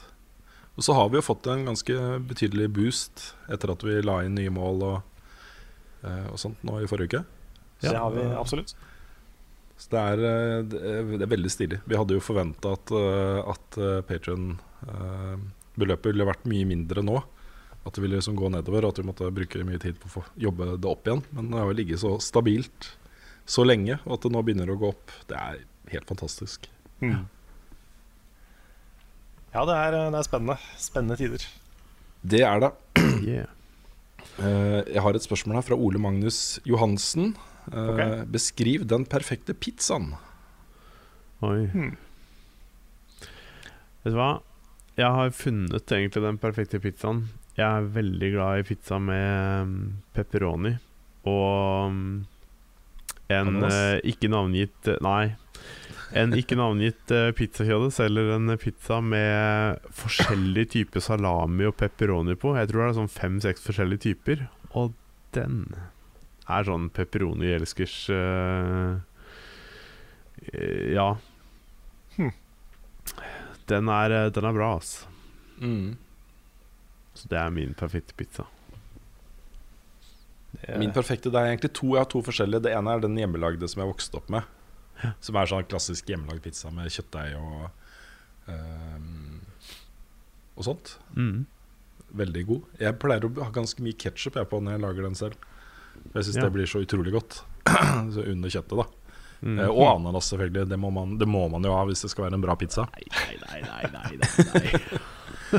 Shots den andre- fired. Ja, Den andre perfekte pizzaen min, den som jeg liker aller best, eh, har jeg funnet i USA. Det er, eh, det er to eh, kjeder der som lager en eh, barbecue chicken pizza. Mm. Begge de to er helt amazing. Det ene er California Pizza Kitchen. og det andre er Wolfgang Puck, som har en sånn fastfood-kjede.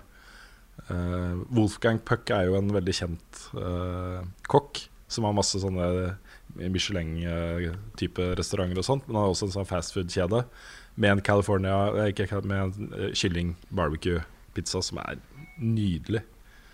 Det er, eh, det er mine favoritter, altså. Skikkelig god barbecue-saus og kylling. Nam-nam-nam. Og ananas, selvfølgelig. Ja. ja. Min perfekte pizza, det er uh, kjøttdeig blanda med tomatsaus og noen sånne røkte kjøttpølsebiter. Eh, ganske sånn tjukt lag med det. Og så har vi eh, f- tre-fire forskjellige oster på toppen. Det vil si under der så har vi også tortilla chips. Og så masse ost på toppen. Det er Ja. digg pizza. Det hørtes nice ut. Ikke så sunn pizza, men veldig god pizza. Ja. Det er det viktigste. Pizza er vel generelt ikke så veldig sunt, da. Så det handler jo om å være godt uansett. Så jeg, eh, jeg forteller meg sjøl at den der eh, grønne nøkkelsymbolet på Grandisen betyr at den er kjempesunn. Hvilken Grandis er det som har det? Det var en periode som de hadde det. Ja, det er den derre speltversjonen eller noe eller sånt. Sånn der kjedelig, sånn kjedelig versjon av den. Jeg husker ikke hvem det var. Ja, nei, men det var, det var en Eh, periode sånn som alle hadde på, var det ikke det? Nei, den vanlige også hadde det. Så Den var det sånn pil, og så sto det 'Det hadde du ikke trodd'. Eh, ok, ja. Ja, var- mulig. Back in the day. Jeg vet ikke om det fortsatt er der, men det var det en periode. Nei, jeg tror den vanlige Gandhisen er ikke noe nøkkelhullsmerket, altså. Den er det, Ja. Det er derfor det står 'Det hadde du ikke trodd'. ja. Nei, men eh, jeg er ganske sikker på at den hadde det. Ja, det kan godt hende at det var en versjon, versjon av den som hadde det. Um, Men jeg veit at eh, den jeg tenker på som hadde det, det var den med biff og løk. Eh, Mhm. Den er nøkkelhullsmerka. Yes. Og Skal nye ta fullgod. Mm. Skal jeg ta et eh, spørsmål til fra Patron? mm. Kjør på. Det er fra Jon Magnus Restad. Eh, og spørsmålet er hvem i Level Up-gjengen hadde vunnet The First Annual Level Up Hunger Games? Jeg holder en knapp på Svendsen. Jeg må si jeg faktisk holder en knapp på Frida. Altså det konkurranseinstinktet hennes. Ja, det er et poeng. Det er ganske intenst, altså. Snakker vi liksom live Hunger Games nå? Ja. Ja. Da um, liker jeg å tro at uh, trening og diverse har gjort meg fit for fight, så mm. ja, men du er så snill, Lars. Ja, Vel. jeg tror, jeg tror snillheten hadde vært din, uh, din doom. Det tror jeg også. Vel Vi får se. Hvis han og jeg, kommer frem. jeg føler Svendsen kan ha et sånt der ondt alter ego som uh, dukker opp i en sånn situasjon. Ja, kanskje. At han får en sånn er eh, sadistisk eh, streak. Jeg har en mistanke om at det hadde vært Svendsen og Frida som hadde stått igjen til slutt der. Ja, det spørs. Nå, nå følte jeg vi ga et inntrykk av liksom, jeg, at jeg skulle være så snill at de var så slemme, men det føler jeg ikke stemmer i det hele tatt. Nei, det er, Nei, nei de, er ikke, de er ikke slemme, men eh, Nei, eh, konkurranseinstinkt ja. pluss uh, fæle situasjoner kan sikkert eh, gi dem en edge. Mm. Maybe. Ja. Har dere noe bra på Facebook? Ja, Andreas Nicolai Nikolai Karlsen lurer på eh, spørsmål til deg, Rune, i hovedsak, og kanskje til Carl og Lars. Hvem blir du å spille som først i Dishonored 2, og hvorfor? Jeg er jo mest nysgjerrig på Emily. Eh, dette svarte jeg på i streamen på onsdag også. Ja. Eh, men det er jo fordi eh, Dels fordi det er henne vi har sett mest av på forkant. Og jeg syns de egenskapene hun har, er så fete. Så jeg gleder meg veldig til å, til å bruke de, da. Mm. Men også fordi hun virker veldig kul, rett og slett. Mm. Og jeg, lik, jeg liker det at du får litt valg der. At du ikke blir tvunget hele tiden til å spille som den ene eller den andre, men du kan velge litt selv. da Uh, Hvis jeg har forstått det riktig. Så ja, jeg tror det blir gøy, altså. Ja, definitivt. Emily. Aller, aller helst så tror jeg kanskje jeg har mest lyst til å spille gjennom hele spillet som den ene og så den andre. Bare for å se liksom forskjellen i historien og få to litt forskjellige opplevelser, kanskje. Mm. Ja, I think. på. Ja. Vi har eh, et spørsmål til her fra Facebook. Hvilken, det er- fra Sigmund Tofte. Hvilken spillfigur ville dere ha datet? Ok. Hmm. Altså, det Der har jeg ikke noe godt svar. Nei, Nei, ikke jeg heller. Altså. Altså, jeg kunne jo liksom bare sagt igjen, men jeg føler på en måte at um, det, det Ja. Jeg ser ikke på spillfigurer eller kjendiser eller filmfigurer eller noe sånt på den måten, egentlig. Vanskelig å Mm. Og så er det jo ingen av dem som er kona mi, da, så Nei, er ikke det sant? Så det er akkurat det. Ja. Hmm. Nei, hvem skulle det vært, liksom? Det... Bare for å si noe, så er jo Juna fra Final Fantasy 10 veldig sjarmerende. mm. Ja, jeg vet ikke. Jeg tenker at det kunne vært litt sånn Det måtte vært en uh, litt sånn morsom uh, uh, Litt sånn morsom date, på en måte. Kanskje det hadde vært gøy å gå på en litt sånn artig date med Super Mario. Hva vet jeg, liksom. uh, Here we go! altså, ja, ikke sant? jeg, jeg vet ikke. Jeg, jeg klarer ikke å finne noe seriøst svar, liksom. Jeg blir fort ganske creepy hvis man svarer liksom prinsesse Peach eller Super Mario eller ja. ja. Ja, Ja, men det vi går- vi går videre. Den beste, den beste prinsessa er jo Rosalina i Super Mario. mm. By far. Ok. Hun, har jo, hun er jo liksom dronningen av universet. Hun er Space Princess. Det er jo dritkult. Wow. Så Fett. så hvis du først skal ha en Mario-figur, så hadde jeg gått for eh, Rosalina. Altså. Spørsmålet er fra Mats eh, Østreng Veland. Hva er den mest bemerkelsesverdige, ekstraordinære og herligste bossen dere har spilt mot? Jeg har et veldig nytt eksempel, og det er jo den hovedbossen i den nye Dark Souls 3-delscenen. Mm. Det er jo kanskje den sykeste bossen jeg har uh, slåss mot i noe spill. Den er, eh, den er noe for seg sjøl, altså. Kult. Og de fleste Bloodborne-bossene, egentlig. Mm. Altså Jeg husker en boss som var uh, Som jeg krangla sjukt lenge med. Var jo hun uh, i Kingdom Hearts. Hva heter hun blekksprutdama igjen? Hva er Ursula? Yes. Hmm. Det var jo mer Ja, du sleit med henne? Det var mange forsøk, ass. Ja, hun er- Herregud. Åh. Um, Å, vet du hva, vi, Det hadde vært så gøy å sette deg prøve deg mot eh, Lingering Will. En sånn optional hemmelig boss i Kingdom Hearts 2. Okay. Det er kanskje den vanskeligste bossen i den serien. Jeg husker det fra klassikerinnslaget ditt. Ja, Men det er liksom Da jeg klarte å ta den bossen Jeg tror aldri jeg har vært så stolt av noe i et spill noen gang. Mm. Den er liksom verre enn Souls-bossene. Men det er så utrolig sånn givende når du får det til. Mm. Ja. Jeg har jo egentlig tolv eh, svar, da. Det er jo alle bossene i Shadow of the Colossus.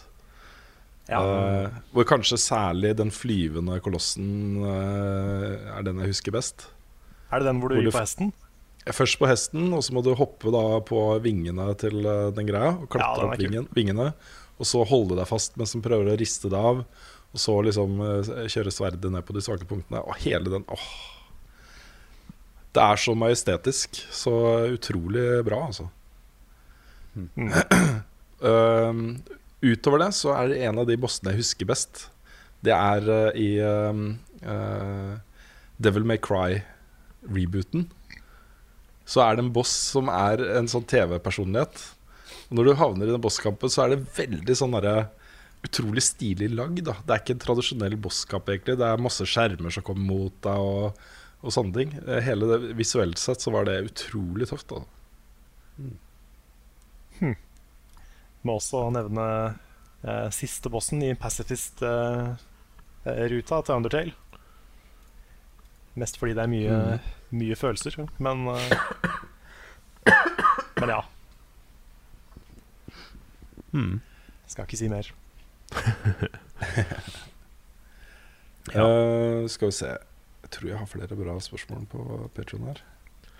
Ja, Hvis ikke så har jeg et som vi kan Det er litt usikker på om vi har svart på det, eller om vi snakka om det kanskje i stad. Sorry hvis jeg bare er glemt noe, men Chris- Christopher Getterboys Hansen Leisa lurer på om vi tror at Owlboy kommer til konsoll. Ja, der har vi også fått et spørsmål. Jeg kan ta det mens vi er først der i gang. Det er fra Joakim Sønsrød. Mm. eh, Som spør blir spillet kun lansert på Steam eller på PS4 også. Mm. Og det er jo Vi snakka om det tidligere i sendinga også. Eh, Det er jo foreløpig kun annonsert på, på PC. Um, de har jo sagt at de vurderer andre plattformer også, men ikke noe mer enn det. Det hadde passa perfekt til konsoll. Altså det igjen, når jeg spilte det på, på PC, så spiller jo jeg med Xbox One eh, Pro-kontrolleren. Og det Mm. er helt konge. Hmm. Ja, de nevnte jo Jeg- at, eh, Da vi snakka med dem, så nevnte de at uh, Alboy var for krevende for PS3. Men uh, PS4 klarer vel sannsynligvis å kjøre det. Ja da. Jeg, jeg, jeg vil si at det er 95% sikkert at det kommer på andre plattformer etter hvert. Altså. Hmm. Hadde vært kult. Det er lov å Mm. håpe. De nevnte jo også at de har masse innhold de har eh, kutta fra spillet. Mm. Eh, Ja, som det kanskje kunne vært en, eh, en director's cut, et eller annet. Something, Ja. something etter hvert hvert. det tror jeg ikke de gjør. Fordi de virka det tror ikke jeg så, de virka så bastant på at det var unødvendig. da. Mm. Ja. Men, eh, men ja, det er lov å håpe på en konsoll-lansering. Mm. Og så har jeg fått et eh, tips fra uh, Henrik Anker Kavli til eh, ukens app-spalten din, Lars. Hvis ikke du har spilt allerede. Ok. Eh, han uh, spør om du har spilt Oh Sir, The Insult Simulator. Vet du hva? Den, uh, den har jeg ikke spilt. Den har jeg satt på ønskelista mi for, bare for å kunne huske den. Men den har jeg sett, eh, og det ser morsomt ut. Men mm. Ja. Jeg er litt usikker på det spillet, men jeg har tenkt til å prøve det. Så får vi se hvordan det går deretter, på en måte. Kult. Jeg har uh, hørt mange foreslå Mystic Messenger også. Mange. Ja, eller i hvert fall Kristine og Charlotte er, har mest mye om det. Men Kristine uh, har begynt en Let's Play av det nå. Det er så morsomt. Det er et, eh, for de som ikke vet det, det er et uh, koreansk spill eh, om å date eh, via SMS og sånn. Ved å date Anime Boys. Og eh, det er vel én jente der også, tror jeg, men hun er mer sånn vennskapsrute. Ja. Så, eh, men det er, i hvert fall ifølge dem, så er det veldig bra. da. Veldig verdt å spille. Ja.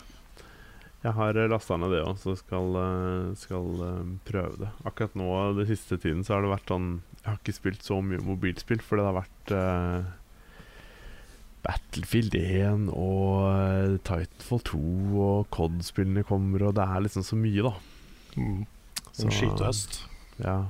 Oppi det hele skal jeg ha prøveeksamen i tillegg, så det blir sånn herre Hodet mitt er litt fullt nå.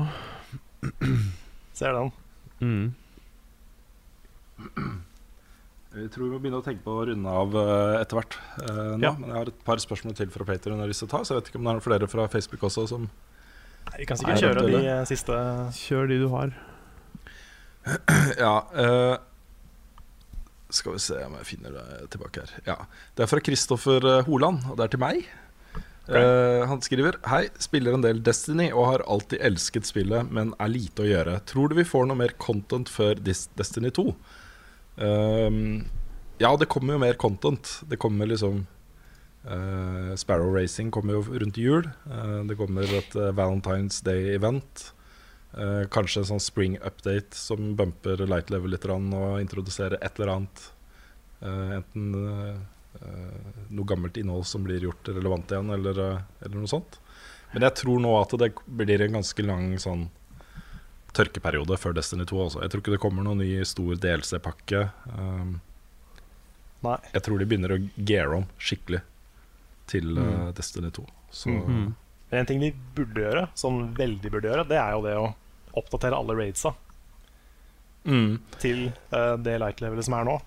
For hvis de nå skal gå helt vekk fra Destiny 1 når Destiny 2 kommer, så er det litt rart hvis bare ett av raida er relevant sånn eh, på slutten av spillet. da. Jeg er helt sikker på at uh, hvis de forlater dette universet her uh, for å lage et helt nytt univers, så gjør de det. De siste par-tre månedene da Så vil alle raidene kunne gi uh, oppdatert gear, og du vil kunne bruke Fatebringer og Vision of Confluence og alle de greiene i oppdatert versjon. da Jeg er helt sikker på det. altså Ja, Det, det syns jeg de burde gjøre, altså. for da, da har Mm. du på en måte et endgame som det er en del å gjøre i. mm. True. Så det, hvis, de er, hvis de er smarte, så gjør de det. Også et Ja. siste spørsmål fra Jørgen Rosén på Patreon det er et litt langt eh, spørsmål, Uh, så jeg håper stemmen min holder helt ut. Eh, han skriver Jeg merker at med alderen, eh, parentes, jeg er ganske nærme 40, forandres forholdet til spill seg. Jeg er fortsatt glad i spill, men har ikke tid til å spille alt jeg vil, og har blitt mer kritisk. Jeg kjenner at jeg har vanskeligheter med å fullføre spill som ikke gir meg nok.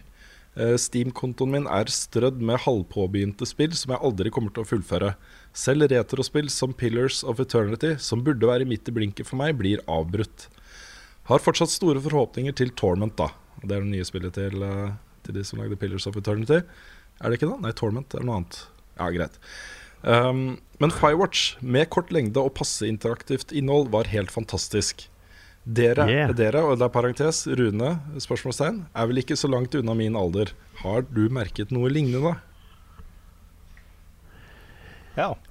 Jeg er eh, nærme meg eh, 40. Jeg, jeg er ikke Jeg er ikke Både og. Det er ikke sånn at eh, Jeg tror ikke det er alderen som på en måte bestemmer det, men det at jeg har blitt mer kritisk til, eh, til enkelte spill, tror jeg har bare kommet med at jeg har jobbet mye med dere. Men um, uh, Ja. Ja, Jeg er føler tvert imot fordi, at jeg har blitt mye mer åpen for spill, jeg. Og, Mm. og spiller mye mer enn det jeg gjorde før. Mye mer forskjellige typer spill også. Mm. Jeg også har blitt eh, mye mer det etter at jeg begynte å anmelde spill. Jeg, jeg, jeg kjenner jo litt på den samme følelsen han sitter med, fordi det å sette seg ned med et nytt spill nå, bare for gøy, og vite at her må du investere liksom flere titalls timer eh, for å få noe ut av det, da er terskelen ganske høy, altså. Og den har blitt høyere. Den er høyere enn den var eh, enn da jeg var 20, liksom. Mm. Men da snakker du om Så store open world-spill som krever, ja, krever til- så mange timer, da. Ja, ja, det kan til og med være ting som jeg vet er bra.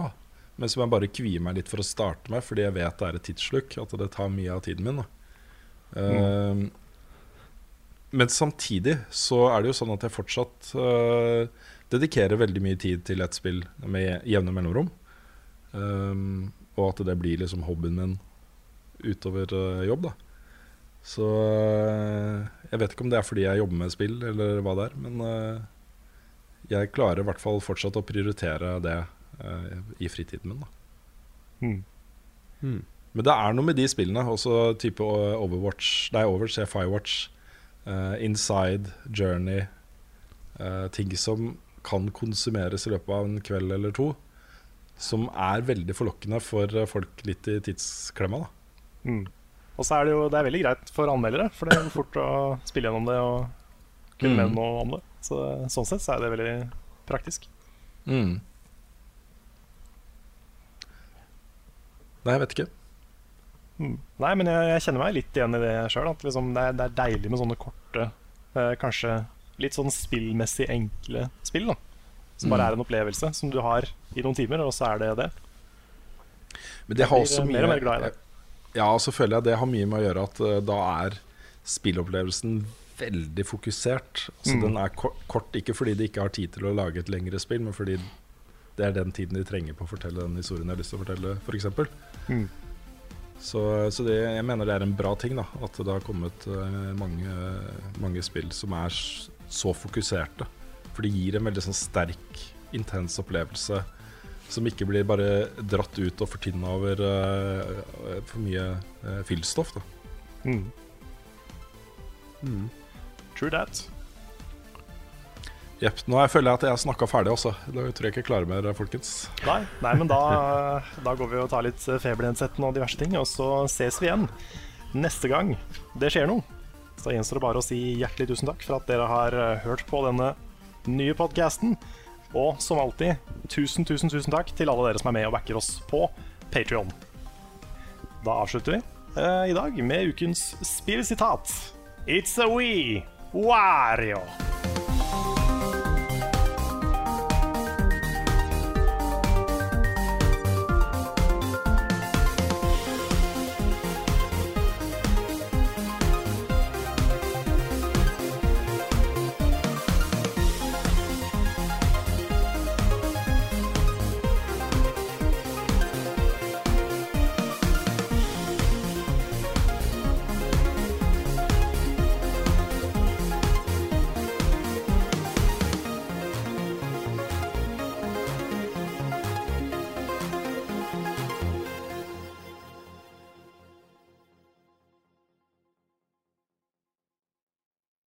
Har du et enkeltpersonforetak eller en liten bedrift? Da er du sikkert lei av å høre meg snakke om hvor enkelt det er med kvitteringer og bilag i fiken, så vi eh, gir oss her, vi.